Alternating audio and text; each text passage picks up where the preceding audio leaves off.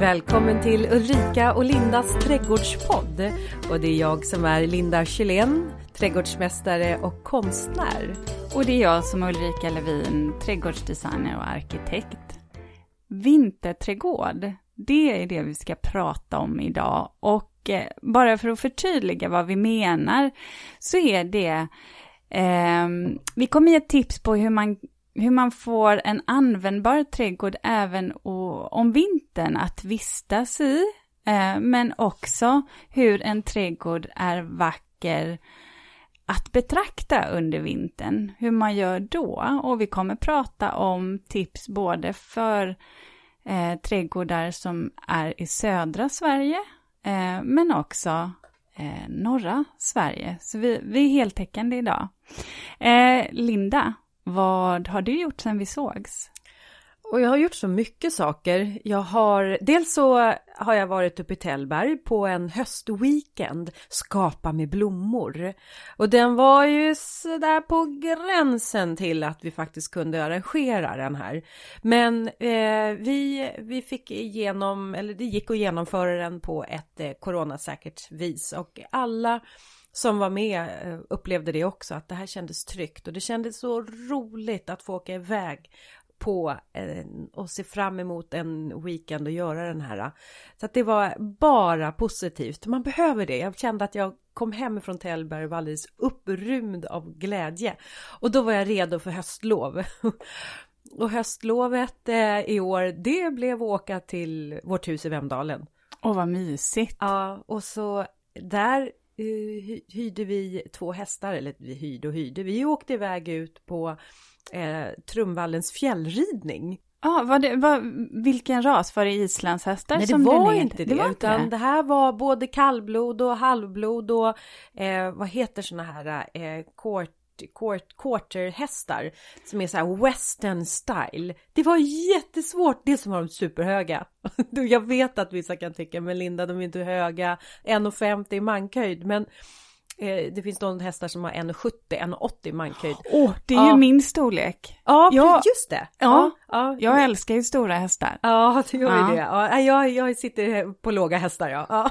Men redo med västensadel då, eller? Ja, ja, ja, mm. det var västensadel. Så det var så mm. mycket som var nytt, för jag är van med min smula, hon är på 1,30 i mankhöjd. Och jag rider aldrig med sadel, jag rider alltid barbacka. Nu var ah. jag tvungen att rida med sadel. Och det kändes så här, det är som att det blir lite för bekvämt nästan. Och så blir det så här kallt för att det är ju ingen värme som kommer från hästen. Nej, det är sant. Och så fick man inte anstränga sig att hålla balansen utan det var, och dessutom för att addera det komplicerade med utrustningen så var det att tyglar när man rider western style. Mm. Det är bara två remmar. Ja. Ja, de sitter ju inte ihop. Nej. Nej det var, och det där var ju så här, det var järngympan för mig att hålla koll på de här remmarna och dra och, och, och styra dra, men jag drog faktiskt ingenting för att man skulle främst rida på långa tyglar. Ja, man jobbar ju mycket med vikt där. Mycket mm. med vikt och bara Flytta så här, vikten flytta fram armarna fram över halsen mm. så ökade man, luta sig tillbaks. Det gör ju jag när jag rider barbacka också.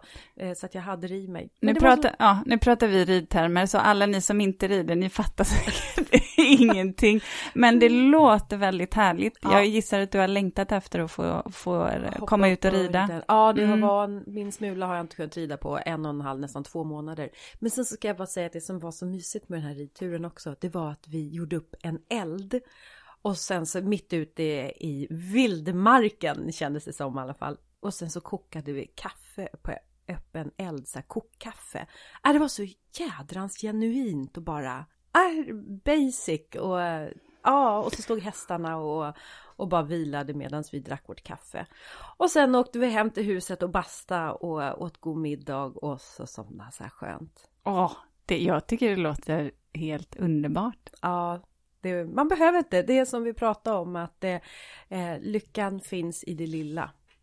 Verkligen. Ja, då, då måste jag ju ställa frågan till dig Ulrika, vad har du pysslat med sen sist? Eh, vi har ju knappt hörts av eh, sen eh, vi poddade senast, det har gått liksom det har gått i ett, ja. Aha. Ja, nej men så har det faktiskt varit för mig.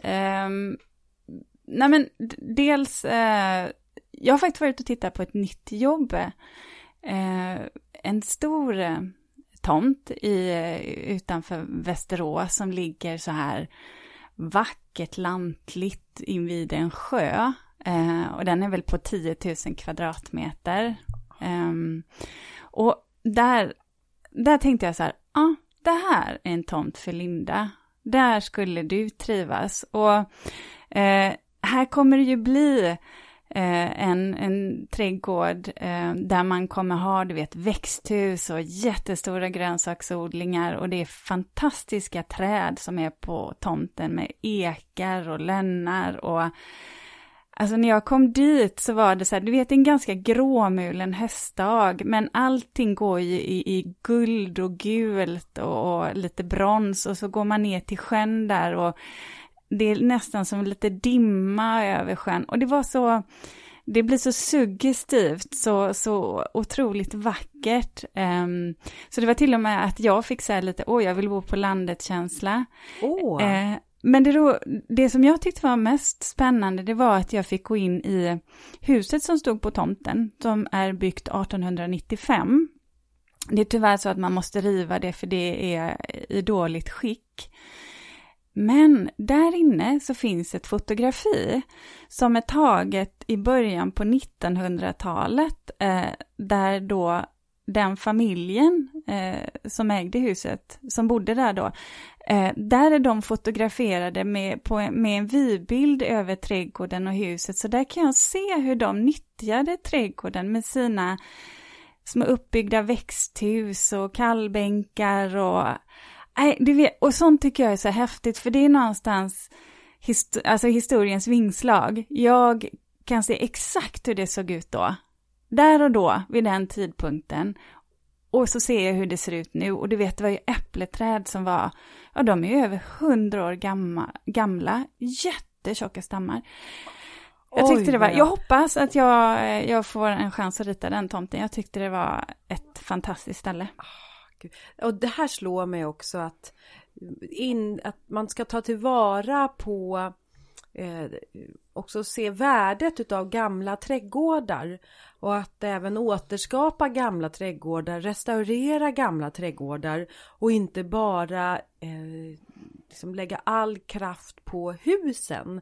Och sen så står de här trädgårdarna bortglömda. Det finns ju det finns ju så många grusgångar som är igenlagda och igenvuxna. Mm. Att det här att skrapa fram dem igen, ja. att jag, det, åh, jag skulle tycka det var så spännande. Och du vet, de hade, på den tiden så hade man biodling och jag såg var bikuporna stod och eh, det här, de här nya ägarna, du vet, de, de vill verkligen ha det här eh, lantliga, så att de vill ha hönor och getter katter och ja, det är kul, kul projekt att ja. eh, få jobba med ja, om jag får möjligheten. Det, det eh, men Linda, ska vi gå över på vinterträdgården och diskutera den? Ja, just och då, det. Oh, jag har nästan glömt bort att vi ska prata ja, vinterträdgård. Jag blev så inne i, i ridning och eh, trädgårdshistoria. Ja, precis.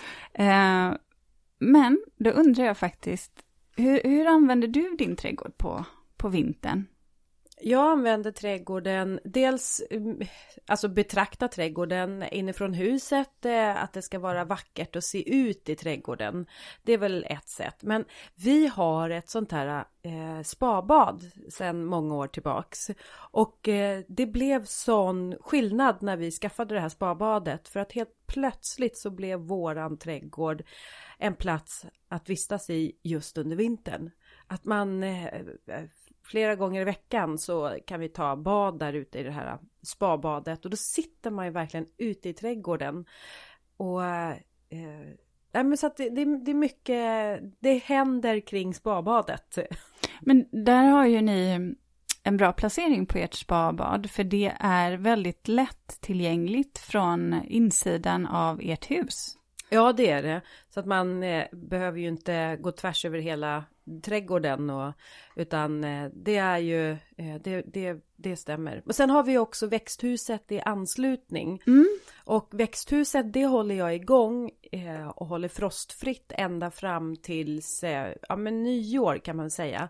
Sen där i januari då, då stänger jag igen växthuset helt och drar ut min frostvakt. Jag har ju ett annat växthus här på Överjärva gård där jag kan ställa in eh, sådana växter. Men så växthuset det används också på vintern. Så det blir ju en, eh, eh, ytterligare ett sätt att använda sig av trädgården. Jag tror att man måste skapa de här eh, platserna och, och rummen som lockar ut en. Mm. Och ja. du då, hur använder du din trädgård? Nej men vi använder inte trädgården särskilt mycket under vintern, ja, mer än att vi har utegymmet då. Eh, men, för det tänkte jag faktiskt på inför det här programmet, att vi är gärna ute i naturen och rör oss eh, mycket så, och det tycker jag är härligt, eh, oavsett egentligen årstid. Eh, men min trädgård är snarare en trädgård som jag betraktar mycket från insidan. Eh, så att den är ju genomtänkt på det sättet att den ska tillföra något under alla årstider. Så jag har ju en hel del som är formklippt till exempel, så att jag har en stomme, en struktur, för det kan jag ju också nyttja som eh, ja men du vet att hänga ljusslingor på eller lysa upp om jag vill. Eh, och sen så jobbar jag en del med stilleben. Och det kan vi komma tillbaka till när vi fördjupar, fördjupar oss i, i tips om hur man kan göra trädgården vacker. Ja, för det är ju så här, det är så naturligt på sommaren med trädgården att man är ute och gräver och klipper gräsmattan och tuktar någon buske. Men allt det där, det behöver man ju inte pyssla med på vintern. Och då finns det ju inte ett naturligt sätt egentligen att gå ut annat än att, eh, jag menar trädgården på sommaren innehåller ju också såklart fikastunder och, ja. och sitta ute och äta. Men det är för kallt så att de här naturliga sätten att använda trädgården på, på sommaren, de försvinner ju på vintern. Ja, och sen så, så upplever jag att eh, jag bor ju ändå i Stockholm. Det är inte så ofta som det är snö här längre, och, vilket gör att det blir ganska blött och, och, och eh, geggigt ut i trädgården. Det är skillnad när det är lite kallt och det kanske är snö eller bara frostgrader i alla fall, för då drar man ju ofta på sig termokläder eller lite tjockare grejer och då är det ju enklare att sitta ute på en fäll. Men så som vädret är här, då känner jag att nej, då tar jag hellre en promenad i naturen så att jag får röra på mig och sen går jag in och fikar. Jag skulle mm. nog aldrig komma på att sätta mig ute och fika i trädgården om vintern. Nej, men då kommer ju växthuset in. Eh, om man har om det. man har det. Men även om du har en altan med tak över så eh, kanske man inte ska vara allt för snabb på att lägga undan dynorna utan att låta dem vara där så att det är inbjudande till att eh, gå ut och sätta sig. Eh, ta fram de där plädarna eh, och eh, också den här balkongvär den här altanvärmaren. Låt den stå lite lättillgängligt i alla fall så länge som ja men det är ju inte minus ute så att man kan få sätta sig. Alltså jag kan ju tycka också att eh, eh få dricka gott och varmt ute. Ja, det, ja, ja, ja. ja det och, är ju härligt. Mm.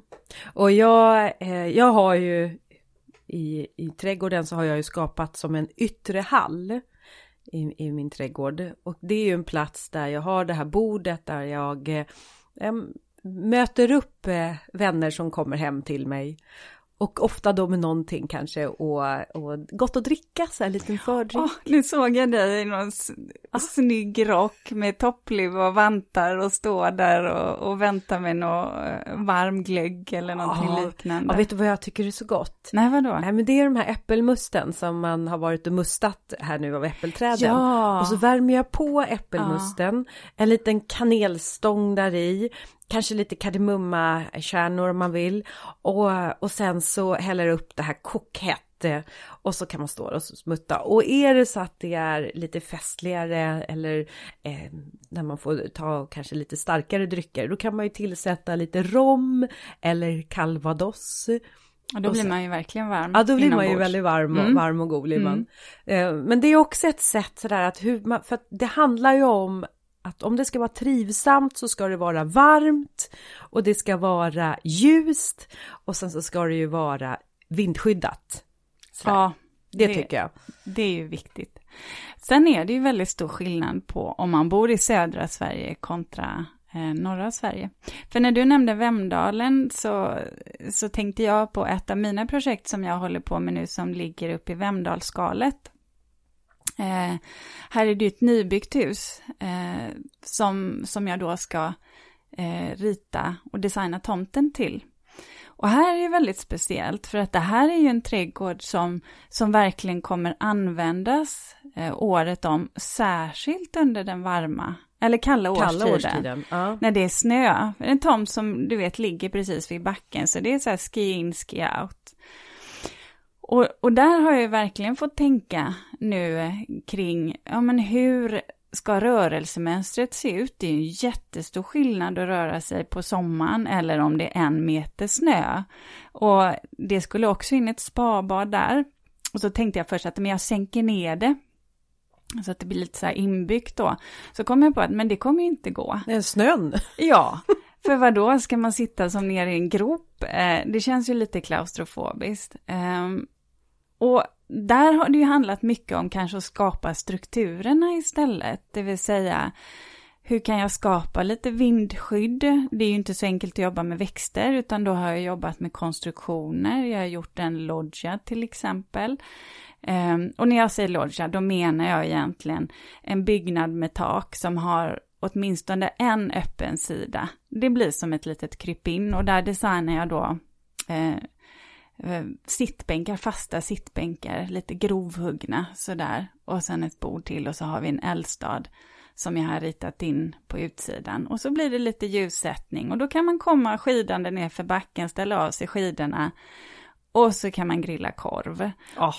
Och det, då funkar det ju för att då, då blir det ju, då kommer man ju sitta med ytterkläderna på. Eh, och vara varmt klädd.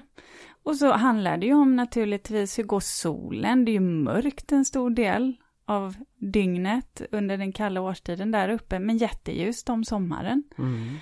Um, ja, så det har varit en hel del att fundera på. Ja, men och sen så tycker jag också högre upp i landet, det är ju en helt annan jordmån också. Eh, jag tänker på, i alla fall där vi har huset, det är ju väldigt mycket sand. Sand och eh, sten är det och få någonting att, att fästa i det och, och växa. Det är ju, ja, vi, vi, har ju mycket, det är mycket ljung och lingon och eh, ja, det är faktiskt hjortron också. Mm. det är så här, och lyx att ha det. Ja, verkligen. Eh, men, men så att det, det är klart att det, det är ju en helt annat att eh, jobba i en vinterträdgård som är fylld av snö kontra en kanske eh, jag menar här i Stockholmsområdet som är lite mera, ah, snö vissa veckor, blaskigt andra veckor. Ja. Där tycker jag du har ett väldigt snyggt gräs hemma hos dig. Ja, just det. Eh, Diamantröret. Ja, diamantröret är en, men vintergrönt, precis när man kommer in på din ah, tomt. storfrilen. Ja. ja, det är jättefint. Ja, för det skapar ju, det är inte bara en platt gräsmatta, utan det är ett prydnadsgräs mm. och det skapar struktur och lite fluffighet, det är lite livfullt är det. Och det är ju vintergrönt mm. faktiskt, det håller sig ju grönt under vintern. Men jag vill gå tillbaka till det med Vemdalsskalet där när man jobbar med växter, för det här ligger ju precis eh, vid fjället. Så det är ju ganska utsatt. Eh, men då tänkte jag så här eh, att jag kommer jobba med Måber, eh, den Schmidt heter den ju. Den klarar sig ju faktiskt upp till zon 8 och så formklipper jag den. Så det kommer vara klot i olika, i olika storlekar. Eh, och sen kanske jag jobbar med lite Balkanbergtall. Eh, och eventuellt en kamchaka-björk eh, som heter blush flerstammig, vet så här lite, den har lite ljusrosa stam, så ja. snygg.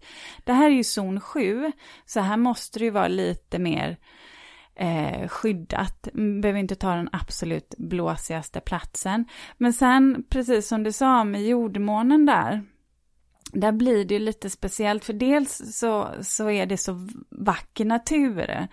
Eh, det är ju samma natur som du beskrev på marken med blåbärsris och, och det vill jag ju inte förstöra. Så att då kommer vi jobba egentligen med stora, vad ska man säga, stora ringar av kortenplåt egentligen som kommer vara lite upphöjda, inte mycket för då blir ju rötterna så utsatta för kylan.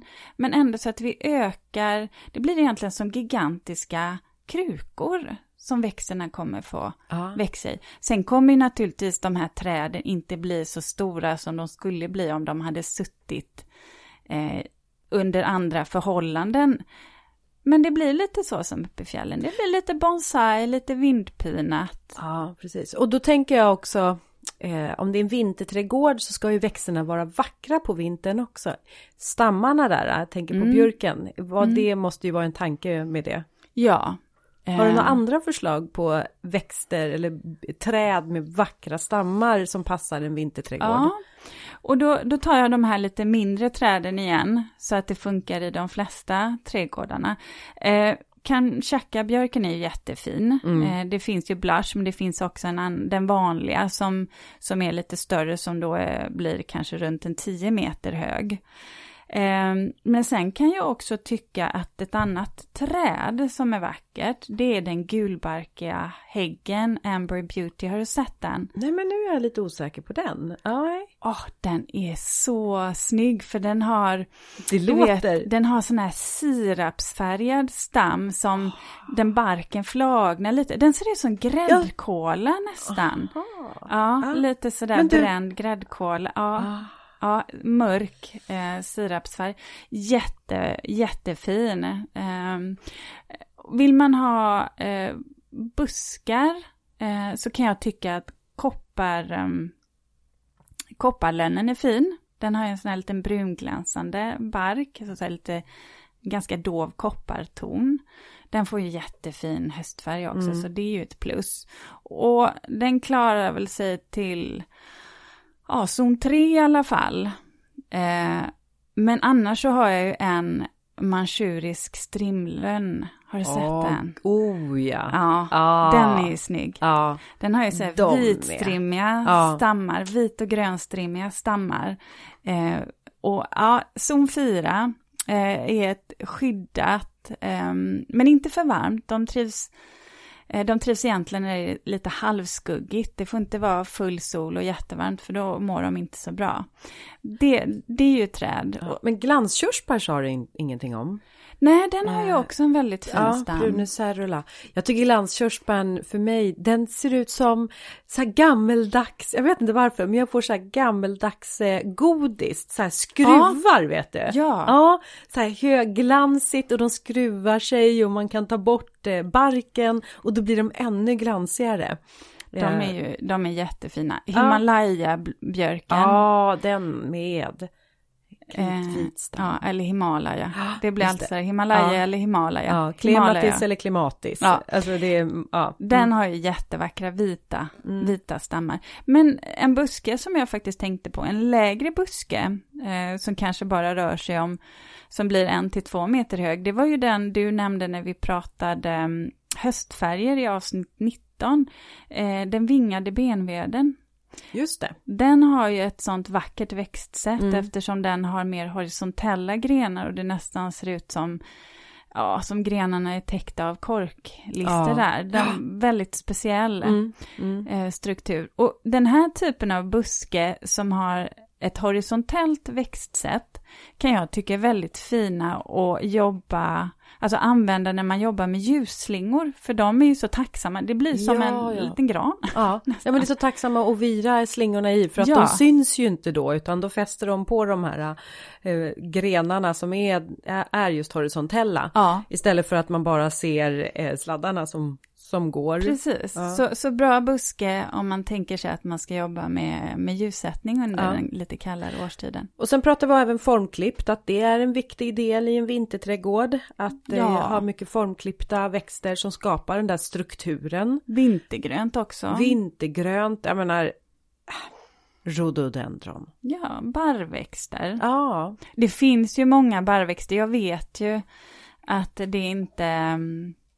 Vi behöver inte bara tänka tuja när vi pratar barrväxter. nej, det har vi Faktiskt. sagt. Men Mm. jag menar, jag tänker också bor man nere i Skåne, eh, eller i alla fall i södra delen av Sverige, då har vi ju ett annat en annan typ av trädgård som man kan skapa som är vacker även på vintern. Jag menar, du kan ju faktiskt om du bor allra södra längst ner få olivträden att överleva ute. Ja, Ja. så är det ju. Och där kan jag ju tycka att eh, där står ju oftast gräsen sig väldigt vackra, perennerna. De står ju sig vackra under hela vintern egentligen om det inte kommer eh, extremt mycket snö, men vilket det sällan gör. Så där jobbar man ju, där kan jag tycka att det är vackert att jobba med den här färgskalan som är på hösten eller det här eh, att ha någonting som kanske är vintergrönt eller formklippt, det blir ganska snyggt till de här olika bruna nyanserna som ändå, bruna och brungrå nyanserna som det ändå blir senare eh, på, på vintern. Mm. Om man har pratat mycket växter, om vi tänker, jag måste ändå slå ett slag för gångar. Eh, det finns ju olika sorters gångar man kan välja och altaner kanske. Och speciellt då som vi har det här äh, spabadet och så går man ut från vårt vardagsrum och sen så ut och på altan och så ska man hoppa i spabadet. Det kan bli så halt. Det är det ju. Ja. Särskilt trä. Trä ja. Mm. Och, eh, men och har man trä på, om man kanske har gjort som en eh, dels trappan eller man har som en spång kanske om man har byggt en spång i, i sin trädgård och gå i. Ett jättebra knep för att eh, få ett halkskydd det är ju att sätta ett eh, sånt här fin, mm, heter det finmaskigt, men med som hönsnät. Att man sätter fast det på brädorna för då får man ett halkskydd. Mm. Det blir som en gallerdurk egentligen om man tänker sig ja, till offentliga byggnader så har man ju det. Det är ju egentligen samma princip där. Ja. Men det är ju ett jättesmart knep. Jag vet, jag var nämligen, jag åkte, jag, alltså en riktig olycka som jag var med om och det var efter att vi, vi hade badat så skulle jag kliva upp ur det här spabadet och sätter foten eh, på eh, trägolvet eller paltangolvet och det är halt. Så jag halkar ju och kör foten rakt in i våran stenmur och slår upp hela stortån. Ja. Och det här blir ju en infektion i det här, eller alltså infektion, jag fick in jord i, i såret. Så att eh, jag var ju upp Eh, tvungen att uppsöka då sjukvård och när jag kommer in där och det är så här mitten av december och eh, till sjukhuset så är de gör rent och de är så här, men vi förstår inte hur du har kunnat, har du varit ute och sprungit i trädgården eller vad har du gjort för någonting?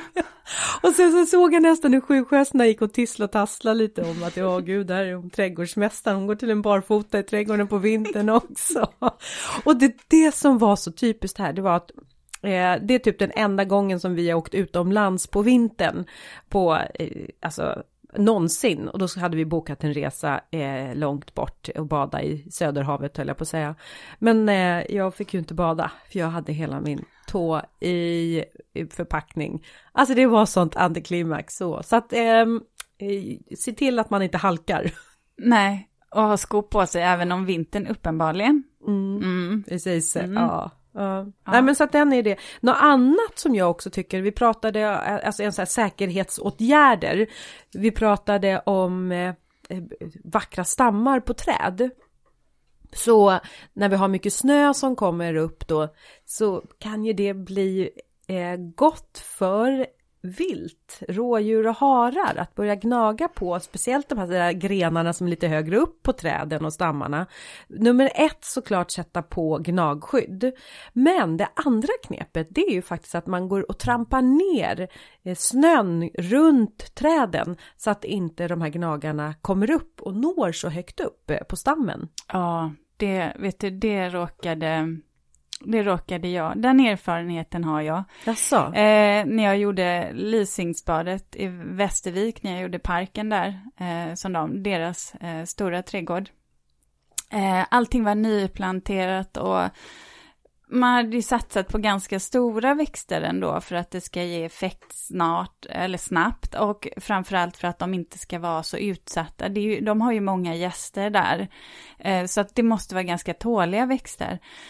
Och så är det ju eh, ett år när det kommer så vansinnigt mycket snö så att eh, det låg ju säkert en 70 centimeter snö. Vilket då innebar att eh, de vilda djuren, klövdjuren, gick ju helt enkelt och smaska i sig jättemånga av oh, både då, buskar och träd, för de får, hann inte med. Nej, ofta så sätter man kanske gnagskyddet så här, mm. från eh, liksom, backen upp på en meter. Ja. Så, men kanske inte högre upp än så. Och det Nej. är klart. Och en ah. älg är ju ganska, den är ju ganska stor redan från början så att, eh, det var tråkigt. Det var, det blev rejäla skador på dem faktiskt. Ja, jag förstår. Mm. Ja, men så det är väl ett hett tips att Ja, det går bra att tramp, trampa ner. Och när vi ändå Mm. pratar om djuren i trädgården så har vi alla småfåglar. Ja, och du tänker på mat? Det Ja, mat. jag tänker på Mm. matstationer och Mm. det är ju faktiskt ehm, så här att eh, eh, det finns ju mycket restriktioner på att mata småfåglar just därför att det, det är samma föda som råttorna tycker om. Och har man mycket råttor så är det klart att de kan, ska vi inte hålla på att föda utan eh, men det finns ju, vill man ändå mata få, småfåglarna och man vet att man har inga råttor men man vill inte ha dit råttorna då finns det faktiskt två, två eh, bra sätt. Det ena det är att man jobbar med talgbollar Mm som inte skräpar. För att man vill ju inte få ner det här på backen för då lockar man ju till sig eh, råttorna Ja. i onödan sådär. Så att om man håller det här högt upp och ser talgbollar, men inte talgbollar som är satta i nät. Då får vi de här, du vet de här gröna plastnäten. Jag kan inte förstå varför. var precis min tanke. Ja, nej, utan då finns det ju så här, och då kan man ju lägga dem i såna här eh, talgbollsautomater kan man säga. Sådär. Och, och då får man ingen skräp och, eh, och heller inte de här hemska plastnäten. Mm. Nej, de finns ju att köpa utan. Mm. Och sen det andra om man nu ändå vill lösviktsmata sina fåglar med eh, till exempel då eh, solrosfrön, då finns det färdigskalade solrosfrön. Och det kan ju faktiskt vara mm, värt att, att satsa på för att då blir det inte heller lika mycket skräp. Annars så får man ju de här eh, skalen som dimper ner på backen och de kan vara lite slarviga fåglarna så att de skvätter ner då eh, de här. Så att eh, köp sådana som är redan skalade. Ja, men det var ju smart, Mm. för att det kan ju bli lite ont om mat ibland eh, för småfåglarna. Jag har många, i min egen trädgård så har jag många buskar med, med bär på, just av den eh, anledningen så att det ska finnas lite käk Mm. kvar Ja. åt dem. Men ja, ja, jag tycker det är ju mysigt. Jag Ja. kommer ihåg när jag var liten och vi hade domherrar eh, utanför ja. fönstren. Ja, ja, ja. ja. Eh, de, de tyckte jag var så vackra just när det var eh, frostigt och kallt och vitt ute och så var det de här röda eh, domherrarna. Eh, ja, fin kontrast. Vad brukar man säga? Att fåglar är vinterns blommor. Åh, det Ja. var ett vackert ordspråk. Ja, men de är, de Eller kan- talesätt ja, kanske, talesätt, ja. är det ja, väl. Ja, jag tror på det. Mm. Och, eh, men apropå blommor och vinter och dekorationer, tänker jag. Mm. Blickfång. Ja, brukar du jobba med det? Ja, Jag var dum fråga. ja det är en jättedum fråga. Det vet jag ju Ja, att du gör. ja. Få höra Linda. ja, nu ska ni få höra Lindas bästa blickfång. Mm. Ja, nej men jag eh, satsar ju på att eh, göra en välkomnande entré. Och jag var inne och pratade om den yttre hallen där jag eh, bjuder på någonting varmt och gott att dricka. Den här eh, äppelmusten till exempel. Eh, och den serverar jag då på det här eh, bordet eh, tillsammans med, eh, eh, jag har ju oftast en ljuslyktor såklart, klassiker. Och de där ljusluckorna de kan ju faktiskt förändras efter hur eh, låg temperatur vi har. För jag menar, vet jag att nu kommer det in minusgrader under ett par veckor eller någon vecka, då brukar jag göra så här islyktor. Ja, mm. Ja, det är ju så här. Och när vi kommer in i januari och tulpanerna börjar dyka upp, eh, då brukar jag ta och frysa in tulpaner. Och så kan jag också göra så här istavlor med tulpaner. Ja, det här är så snyggt för att då kan jag skapa som en eh, konstutställning i trädgården. för då åker dina ögon upp Ulrika. Det bara, ah. Nej men det, jag, bara konstat, jag bara tänkte så här att ja, här ser vi ju skillnaden mellan oss, eller här pratar en konstnär tänkte Ja. jag. jag. Jag bara, det bara slog mig att ja, det där hade jag aldrig, Nej. tavlor i trädgården i form av is, Is. Men och vet- blommor, det ja, hade jag aldrig tänkt på. Nej, och vet du vad jag gör? Då gör jag så här. Jag tar ehm, eh, en, en liten plastpåse, sån här en plastpåse, en tre liters eller någonting. Fyller med vatten och sen så har jag ett lock, ett fyrkantigt lock. Och så lägger jag ner den här påsen där i tillsammans med några tulpaner. Och sen så ut eh, i kylan och så fryser det på något, eh, liksom något dygn. Och sen så plockar jag ut det här lite varmvatten på så att det lossnar. Så plockar jag ut och har fått världens vackraste istavlor med tulpaner som sitter där i. Och jag kan göra så här en sex, sju olika tavlor och så sätter jag dem ute i träden. För har jag bara lite varmvatten och så sätter jag fast eh, de här tavlorna på stammarna, då står de kvar. De smälter liksom fast på stammen kan man säga. Eller så här, fryser fast gör de. Ah, och då kan jag ha så här, eh, det är så läckert med de här istavlorna i trädgården. Ja, det låter ju fantastiskt. Nu hoppas jag nästan att det ska bli lite minusgrader ja. i år så att man får testa det där. Ja. Men då kan Men... man ju jobba med, med fröställningar eller vad som Oh egentligen. ja, det behöver inte bara, nej absolut nej, det kan och det tror jag skulle vara, åh vad läckert det skulle vara. Mm. Eller hur? Ja, man kan ju, har man inte minusgrader då kan man ju faktiskt använda sig av frysen också. I och med att man lägger de här ner på ett lock så är det ju ganska platta eh, skulpturer som får plats och staplas nästan på varandra. Mm. Men nåväl, förutom eh, eh, då den här eh, värmande drycken och de här lyktorna och glas eller de här istavlorna så kan jag också tycka att det är väldigt vackert att göra girlanger.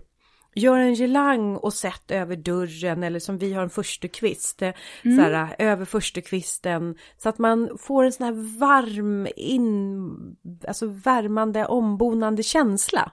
Men vad gör du den av då? Ja, men jag tar eh, vad jag har hemma, eh, höll på att säga, i trädgården och, eh, och ofta när jag är ute på hundpromenader så brukar det ofta vara att det har blåst ner tallkvistar eller grankvistar. Eh, eller så får jag helt enkelt handla lite sånt på trädgårdsbutiken. Och sen så binder jag det på en, ett snöre eller en tross är det. En tross? En ja. tross, mm. ja, eller ett snöre, stort mm. grep så. Mm. Och det här repet återanvänder jag ju varje år så att jag mm. har det liksom anpassat till dörren. Eh, så det är också ett sätt. Och sen så kransar. Man behöver inte, nu har vi ju eh, precis eh, passerat in den större delen av hösten och då har jag har gjort massa höstkransar. Allt ifrån höstkransar som jag har dekorerat med eh, torkad hortensia, eklöv, eterneller, olika så här ljungbär och ljung.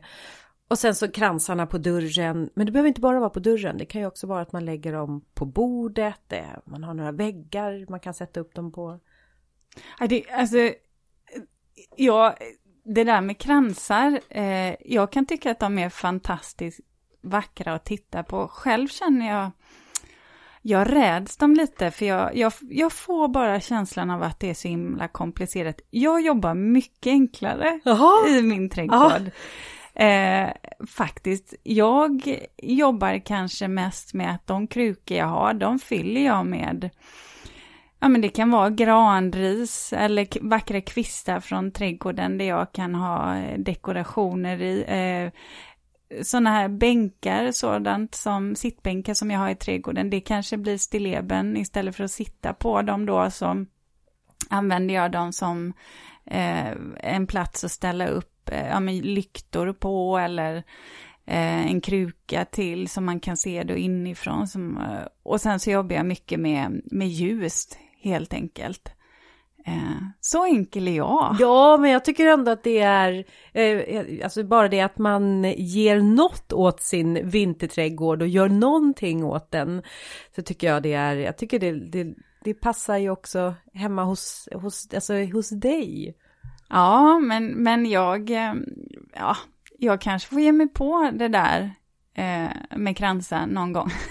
Nej men alltså om man det... tänker på formen, man ja. har mycket, för, för, för mig är kransarna något som bryter former, eh, kontraster mot de här raka linjerna. Och så får man till den här runda formen som man sätter på dörren. Det tycker jag, det blir en schysst kontrast i det. Så att jag, jag ser, om jag säger så till dig att rent designmässigt Ulrika så skulle en krans vara snygg. Och jag kan också tänka mig att ha en krans på backen, du vet med en liten kruka i, ja. kan jag tänka mig.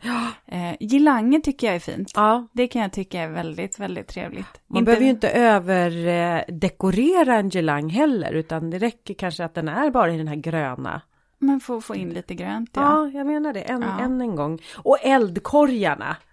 Det är väl något också. Eldfat. Eh, att eh, tända den där elden. Ja, det kan det vara.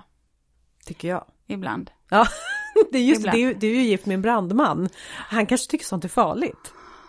Nej, vintertid, det är väl snarare när man eldar sommartid där det far iväg. Ja, jag tänkte att det är som att ta hem jobbet eller? Ja, nej, så ser jag. Jag kan bara tycka att det här med röken, Ja. eh, ja, Men visst Jag- är det väl lustigt med rök? Så fort man tänder en eld och sen så ska man hålla sig borta från röken. Då Ja. kommer röken liksom jaga den. ja, ja men, ja, Visst. eller hur? Ja. Så är det är precis så Ja, man är. säger, men då flyttar jag mig till höger. Nej, då kommer röken hit. Och då Ja, kan då jag, går jag tillbaks. Ja, och då kan jag tycka, eh, som har, jag som har astma då, att jag kan tycka att det blir lite halvjobbigt att stå där. Eh, det blir lite jobbigare att andas för det är partiklar. Och sen kan jag, sen är det så här, eh, jag kan också tycka det där när man eldar med ved, alltså det är ju faktiskt en förbränning som inte heller är sådär jättebra ur klimatsynpunkt faktiskt. Så att gör man det någon gång då och då, men ja, men för att koka elda- kaffe, då är det Ja. ju liksom ett syfte där. Jo, jo, men ute ja. i naturen. Ja. Men att elda hela tiden, eh, vare sig det är inomhus eller utomhus, det, det gör inte jag. Nej, Så, så är det. så är Ja. det. Juteväv kan jag tycka är Ja, fint. just det. Och, och sätta runt krukorna ibland bara med något vackert. Ja, men lite hamparep eller något lite snöre som går i lite brunt eller grått. Så. Mm, det det kan jag tycka. också. Ja. Och då ska man ju tänka på att de här krukorna man lämnar kvar måste ju såklart vara i ett frostfritt material. För annars så sprängs det eh, av eh, vatten och eh, frysgrader och så blir de så här fi- finfördelade istället. Så man har varit där med en osthyvel Ja. skurit sönder dem. Ja, men så är det ju faktiskt. Annars får man tömma dem och ställa dem upp och ner på. Ja, Korgar är, är Ja, ett tips. korgar ja. Korgar, och korgar kan man faktiskt också använda upp och ner på sådana här metalltrådskorgar. Lägg en liten ljusslinga där i, Just så det. blir det väldigt vackert. I synnerhet om det kommer lite, lite snö. Då har ni en eh, iglo Ja. nästan på en gång. Ja, ja, ja, men det håller Ja. jag med om, det också. Ja, är det någonting mer som du har att tillföra? Ehm, nej, jag tror nog att eh, vi har gått igenom ljus har vi ju pratat om att det är viktigt. Alltså värme så att det är skönt att sitta vid platsen och sen så ljussättning så att man får att det inte bara blir ett mörkt eh, rum. Och sen så såklart vindskyddet så att det är inte skönt att sitta på en plats där det blåser. Ja, och så tä- tänka mycket, det har vi ju varit inne på i andra avsnitt, det här med perspektiv. Vad Mm. ser man? Och då måste man någonstans tänka på vad ser jag inifrån? Ja. Mm. För det är ett perspektiv som är viktigt när man bor i Sverige i alla fall. Och faktum är att det var just där som jag placerade vårat eh, växthus. Eh, I strategiskt så att jag skulle på vintern ha växthuset upplyst. Så när jag står inne i vardagsrummet så dras ögat ut till det här upplysta glashuset eh, där i hörnet på trädgården. Och det har blivit precis så där som jag visualiserade i mina drömmar att det skulle vara. Mm, det låter ju vackert. Jag, Ja. jag tycker det är bland det finaste. Frost på glas. Åh! Ja, Ja. jag tycker det är jättevackert. Eh, men du, Linda, eh, så här veckans reflektion. Eh, så här är det att när det här avsnittet sänds eh, så är det den 5 november. Eh, och det är en väldigt speciell dag för mig av två anledningar. Och då har jag faktiskt funderat över statistik. Oj! Nej men så här, för, ehm, för 11 år sedan, 2009, så hade vi en annan pandemi. Ehm, det var ju svininfluensan då. Och just den 5 november så födde jag eh, Eh, vårt fjärde barn. Ja. Och eh, det gick bra. Vi kommer hem och då visar det sig att vår ett och ett halvt-åring är ordentligt sjuk, alltså riktigt hög feber, förkylningssymptom. Hon mår så dåligt eh, och dessutom öroninflammation. Det vi inte vet det är att hon har drabbats av RS-virus. Det här är en väldigt allvarlig sjukdom, eh, framförallt när man är liten, framförallt när man är nyfödd. Och vår eh, nyfödda dotter får ju, drabbas ju av det här, bara två dagar gammal. Jag märker ju att hon blir sämre. Eh, maken och jag, vi splittar ju på oss, för en måste ju ta eh, ett och ett halvt-åringen och jag tog det, vår nyfödda då. Eh, jag söker vård. Då är ju allting är så fokuserat på den här svininfluensan. Eh, och du vet, komma in med, med bara en, en bebis som bara är några dagar gammal, det är inte många läkare, det är svårt för läkare att göra en bedömning om man inte jobbar med små barn.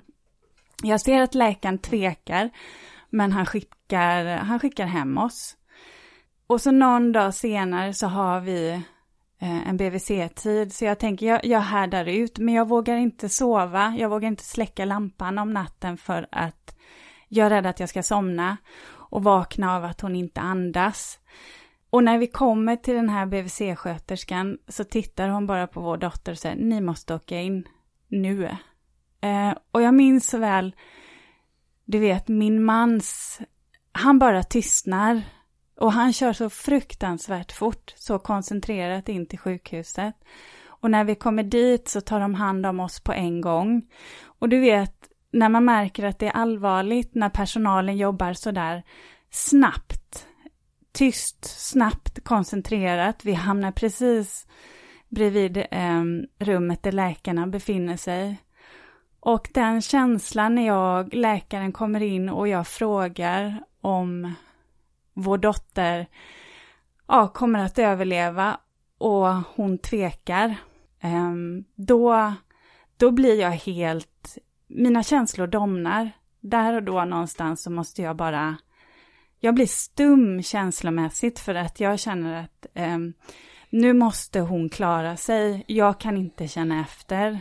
Och de där minnena från vår sjukhusvistelse är så starka. Um, hur ensam jag kunde känna mig när maken hade åkt hem. Han var ju där på dagarna eh, ibland. Uh, men hur ensam jag kunde känna mig när, när hennes syresättning då sjunker uh, och jourläkaren från IVA kommer ner och man diskuterar om hon ska hamna i respirator, ligga i CPAPen där. Eh, jag hatade, jag hatade nätterna på sjukhuset när dagpersonalen inte var där, som jag kände mig väldigt trygg med.